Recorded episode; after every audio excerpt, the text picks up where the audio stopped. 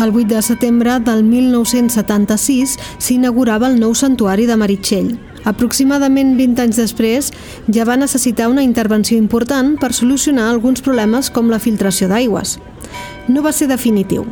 Des del 2018 que hi ha pendent una rehabilitació global del temple valorada en aquells moments en més de 2 milions d'euros. Els primers treballs s'havien d'adjudicar aquest any, però el concurs va quedar desert. El pressupost de l'any vinent continua preveient aquests treballs.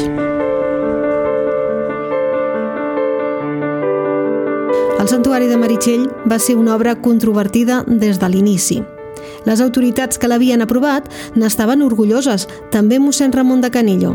Fora d'aquest cercle, no tothom ho veia tan clar. Aquell moment va ser molt difícil perquè Andorra, eh, a Mergent, quatre, tres cases eh, de pagès, res més. Eh, Andorra era tot rural i, que, i, no, i la gent no entraven en aquest santuari tan gran.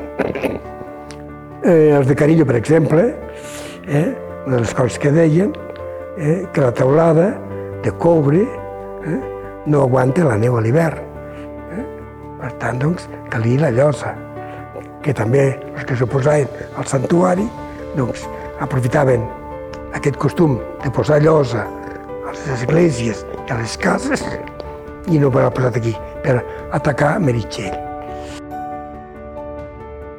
En tot cas, com el mateix mossèn ha dit en alguna ocasió, el temps va donar la raó als qui van apostar per atorgar l'obra a un arquitecte d'impacte internacional com Ricardo Bofill, que ha contribuït a posar Andorra i Meritxell al mapa. Es tracta del monument més visitat del país.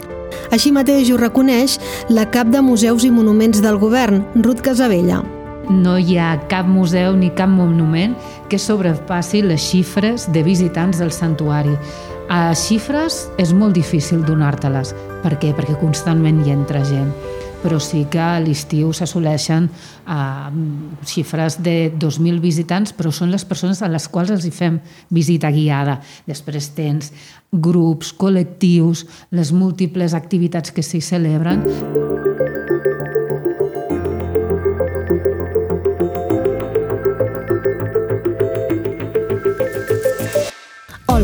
Soc Esther Pons i això és l'Altaveu a fons. En l'anterior episodi sobre el santuari de Meritxell vam explicar la història mig oblidada que havia portat Bufill a liderar aquest projecte. Avui tanquem aquesta sèrie coneixent millor la relació que va tenir l'arquitecte amb Andorra, alhora que acabem de descobrir algunes curiositats del temple i la seva construcció. Qui va ser-hi ben present va ser Carles Mariner, de Construccions Mariner. Jo, jo, jo llavors, doncs mira, tenia 20 i pocs anys, 20 i pocs. I va, pràcticament vaig estar jo com semi-encarregat tota l'obra, vull dir, que m'ho conec tot, eh? Gairebé 50 anys després, el Santuari de Meritxell necessita una rehabilitació a fons – ho dèiem a l'inici, però farà unes tres dècades ja s'hi van fer intervencions no poc importants. Un dels seus responsables va ser Enric Dilme. Jo recordo que en el seu moment nosaltres vam fer una sèrie d'intervencions de manteniment a, a Meritxell i que havia de ministre de Cultura el Pere Canturri, li vam anar a proposar una sèrie d'intervencions d'una certa magnitud per intentar solventar tots aquests problemes, quasi bé definitivament, i ens va dir que anéssim a parlar amb el Bufill. El vam estar perseguint, el Bufill, vull dir, jo trucant al seu despatx, però sempre estava donant voltes pel món i vam parlar amb el Peter Hawkinson. Però justament, quan vam parlar amb ell, eh, no ens feia massa cas de lo que li proposàvem, que implicava una certa afectació de la imatge, no res de l'altre món, però vull dir, intentar rematar els murs, aunque fos amb morter, perquè no colés l'aigua, etc etc canviar la, la xapa de, de coure per un sistema més, més eh, actual, que era més fàcil que les dilatacions, el coure és un metall, i llavors els metalls dilaten de forma molt important. I llavors, amb els canvis de temperatura d'Andorra, la, la, la muntanya mediterrània, pots passar de 0 graus o menys 2 o menys 3 a primera hora a la nit no? i a 15-20 al, al vespre pues imagina la dilatació d'això és bestial hi ha sistemes avui en dia de coures que donen algo més de flexibilitat. Tot allò era molt rígid i era molt fàcil que es trenqués. No? I recordo que ell estava més preocupat per veure si havia la possibilitat de continuar el projecte sencer que el fet de la solució que li proposava, ens vam tornar, li vam comentar al ministre Ventura i dir, mira, escolta, aquesta gent no... però li dir, escolta, demaneu el seu parer a veure si us dona el vistiplau, perquè no de ser una peça d'autor, bueno, no estava per la labor de dir-nos res i ens vam fer el que vam poder sempre intentant que no es veiés. No? De fet, el que vam fer després no s'ha vist, vam canviar, hi ha alguna foto d'això, vam canviar tota la xapa de coure de la, de la torre amb aquell coure inicial que és com un groc molt llampant eh, que a l'inici semblava que hem fet aquí, però bueno, l'any 6 va tornar a estar ja rovillat, que és aquell marró, no? Peter Hodkinson, a qui fa referència Enric Tilme, és un arquitecte estret col·laborador de Bofill que va ser molt present en el procés de construcció del santuari de Meritxell. De fet, els dibuixos del projecte inicial eren seus. Són els anys els que provoquen dues intervencions de tal envergadura o hi ha alguna cosa més? Ens en dona la seva opinió Enric Dilme, que a banda de participar com a arquitecte en una de les intervencions, ha estudiat des de la seva gènesis al santuari de Meritxell. També ens en parla l'arquitecte Pere Xas, que en una etapa embrionària del nou temple hi va participar i va conèixer personalment Ricardo Bofill. Què li passa, doncs, al santuari de Meritxell? La veritat és que si alguna cosa se li pot eh, retreure al Bofill d'aquesta època és que la part constructiva no estava massa pensada, massa resolta, no? I, clar, eh, té unes solucions que són contraproduents, no? El problema que té Meritxell és que has de pensar molt com si pogués estar en un lloc que, en, una, en una intempèrie, en unes condicions climatològiques més diferents, no? i és, un, és una obra que es, es té que estar arreglant contínuament perquè no, no, no suporta la, la, no suporta els climes d'aquí, les aigües, la neu, etc. Ricardo Bofill, aleshores, encara no era arquitecte. Això també ho recorda Carles Mariner. Ah, ell no ho portava, eh? Portava Encara vivia el seu pare. El seu pare sí que tenia un títol d'arquitecte, ell encara no el tenia, i els portava. El que venia aquí a les reunions cada setmana era el pare, amb aquests col·laboradors. I amb el pare sí que podies parlar d'arquitecte. Ell quan venia, venia de aquí estoy porque he llegado. Com és, doncs, que se li acaba encomanant la construcció del projecte a un jove brillant però sense ser arquitecte? I com és que ja aleshores tenia un cert renom? Hi ha literatura sobre el tema i ens en fa cinc cèntims Enric Delme. D'ell ha parlat molta gent, Eh, per exemple, jo crec que els més interessants dels que han parlat de la seva manera de ser i de fer va ser l'Oriol Buigans, les seves dietàries, les seves memòries, l'Orca Tusquets. L'Orca Tusquets van ser bastant amics i també parla molt d'ell. Després el Javé Valls, eh, que, era, que va ser el, que és, vamos, que era el pare de, del, Manuel, del Manuel Valls, i parla en les seves memòries de la seva vida, també parla de, de la família Bufill, perquè no es pot entendre el Ricard Bufill sense la seva família. Eren tres germans, eh? ell era el mitjà, hi ha un primer germà que es mor als 15 anys, que és bastant traumàtic. És una família que busca que un, que un dels seus fills mascles sigui algú, eh?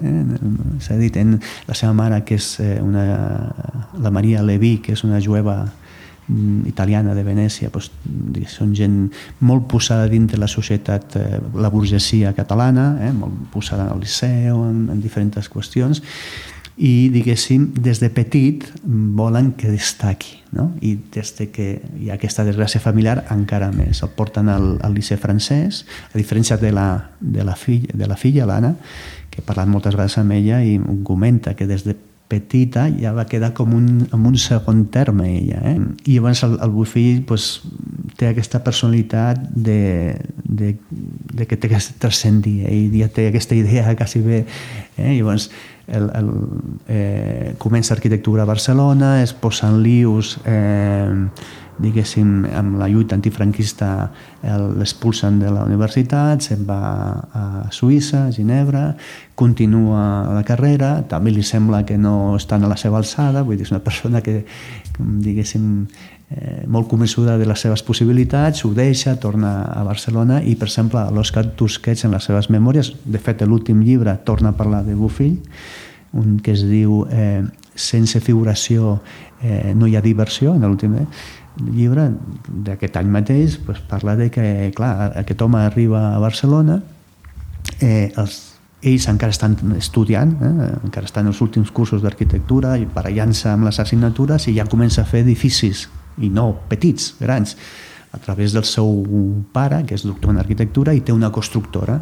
Llavors, és capaç de donar-li eh, encàrrecs al seu fill eh, a través d'ell i clar, eh, els arquitectes locals i la societat local veuen com un ser estrany, no? una, una, algú que ha vingut de fora, que no coneix com aquí que diu ningú perquè ja s'havia marxat i que comença a tindre càrregues importants. I no només és això, sinó que comença a tindre un cert reconeixement internacional. De fet, és el primer arquitecte eh, espanyol de postguerra que té un renom internacional. D'aquí passarà a França i començarà a fer coses molt importants. No?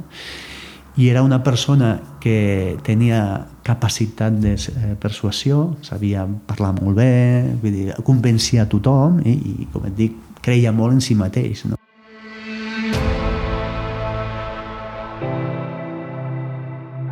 Per tant, el projecte sí és del jove Bufill, però els dibuixos són de Peter Hodkinson i qui el signa és el seu pare, Emilio. I és més, moltes de les solucions constructives acaben sortint sobre la marxa. Així ho recorda Carles Mariner. Amb un llapis i un, i un paper si li poso el que vols, eh? Però, però s'ha de fer i s'ha d'aguantar. Aixecar tot això tan alt, tan alt i a dalt posar tota l'arcada encofrant, vull dir, encofrant, vull dir, posant fustes tal, i després formigó i tal, era molt pes. I vam tenir por, dic això, posem això i s'esfollarà i no, no ens vam atrevir. I jo li vaig dir als, als arquitectes que jo conec un senyor que ens ho, ens ho miraria, això. És un enginyer català-francès que es diu Ibe Serra i és, un, un, un, és metàl·lic. Són uns arcs metàl·lics. De, de, de, de, metàl·lic de, de, de, de quadradillos, eh? no de vigues. Molt lleuger i a sobre és un, un panel i per sota és un panel també és fusta però de sota és una fusta que revesteix això així, i així va ser el, el sostre de Meritxell això sí, de tant en tant Bufill sí que visitava l'obra i ho feia amb una personalitat que no deixava ningú indiferent. Així el recorden mossèn Ramon i el mateix mariner. Ell venia poc, eh? Hi havia més el seu pare i un arquitecte molt maco que es deia Ramon.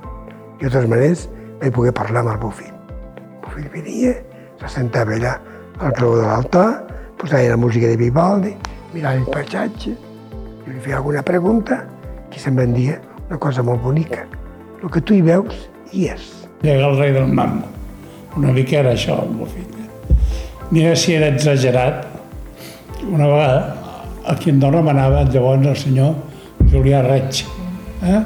Molt bé. I el senyor Julià Reig el dia que veníem, aquesta gent li agradava venir de quan en quan i venia. I un dia va venir i havia un bofill, ja, ja, ja el devia saber. I llavors ha els dos claustres que hi ha, el petit, hi havia un punt d'aigua, i li va dir al, al senyor Retxa, que era el síndic, escolta, Julià, posa't allà al mig i fes així d'estàtua, sigui, feia que vull veure com quedarà això si posem allà una figura. I aquell home el va seguir. Però s'ha de tenir pebrots per agafar la, el jefe d'estat i dir fer-me aquesta, aquesta barricada bestial. Però ho va fer i es va quedar tan ample. Sigui com sigui, amb més problemes constructius o menys, o més defensors o més detractors, la seva obra ha transcendit i ha deixat petjada a Andorra. És una època com de transició de Bufill o del taller d'arquitectura entre aquesta experimentació sobre l'arquitectura moderna eh? I diguéssim el postmodern que farà després, no? on és molt clar les columnes, els capitells, és una mena de, de certa transició, hi ha una certa contenció, això està bé, saps? I després s'integra molt bé el paisatge, però és una, aquesta mena de feixes, no? el color de la pedra, vull dir que queda molt integrat. És un edifici amb pretensions monumentals, vull dir que és un edifici que busca ser un monument, Vull dir, no és una cosa pràctica que s'ha posat allà i que després la gent diu, home, no està mal. No, no, que tenia interès a fer alguna que fos eh, una petjada important, no? I a banda del més evident, amaga alguns secrets ben guardats, ja sigui amb premeditació o perquè simplement ningú ha pensat en explicar-los abans. El santuari de Meritxell és també un exemple d'economia circular – així ho descobrim durant la conversa amb el constructor Carles Mariner. I la, i la pedra d'on la van treure? De Meritxell. Del desmunt? O sigui, el, el, la pedra de construcció del... De tot el santuari, ja t'ho explicaré, és del desmunt, que a mesura que sortia pedra la guardava. Llavors els canteros la trossejaven i la preparaven una mica, no arreglada, perquè no està arreglada, però està manual, i la posaven. I se'ns va acabar la pedra l'últim tros de baix de tot, el que toca, diguéssim, a la part, diguéssim, d'encant. De, a l'últim tros se'ns va acabar la pedra. Clar, això no és un problema, perquè trobar una pedra similar, igual, no. Vam anar voltant per Andorra, a veure on collons podíem trobar pedra similar, i va sortir de, de Canòlic. D'allà vora des de, de Canòlic va trobar una pedra molt similar i és la que hi ha a l'últim, l'últim, l'últim torreó de baix de tot. És ell també que ens posa sobre la pista d'altres curiositats, com ara que la basílica té set arcs al fons representant set parròquies i no sis, tot i que l'obra es va fer abans que Escaldes s'independitzés d'Andorra la Vella. Quan s'estava fent Meritxell, s'estava als finals de si Escaldes seria parròquia o no seria parròquia. Estava molt final. I al fons de Meritxell hi havia sis, hi ha els sis arcs de les parròquies hi havia sis. I els hi vaig dir al meu fill, bueno, el fill i els seus col·laboradors, fem un error, perquè haurem de córrer. Estarà fet i haurem de desfer i tal. S'està preparant de fer la sèptima parròquia. Això tardarà tres mesos, quatre mesos. I no haurem fet preparat per ell. Hòstia, tal, vols dir que sí, que sí? En van fer set. Llavors, la sèptima, de moment, hi van posar la Mare de Meritxell, perquè la Mare de Meritxell anava davant, suelta, a davant. Se'n va fer set i de moment s'hi va posar la Mare de Meritxell. Quan Escaldes es va fer parròquia, que va ser aquell mateix any, ja estava tot fet, es van tenir que ficar allà i la Mare de Meritxell treure-la fora com estava previst. I això va ser una intervenció meva. Si no, no vull cap mèrit, però si no, no s'hagués fet. Del disgust a la veneració. La societat andorrana ha integrat en el seu ADN el Santuari de Meritxell, l'única obra religiosa d'un Ricardo Bofill, jove, que va acabar esdevenint una estrella mediàtica de l'arquitectura mundial.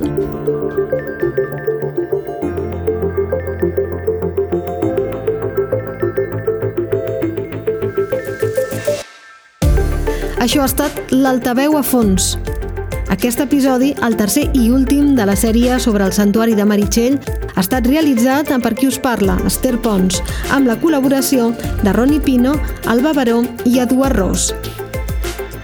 Esperem que us hagi agradat. Dimecres vinent tornem amb més històries.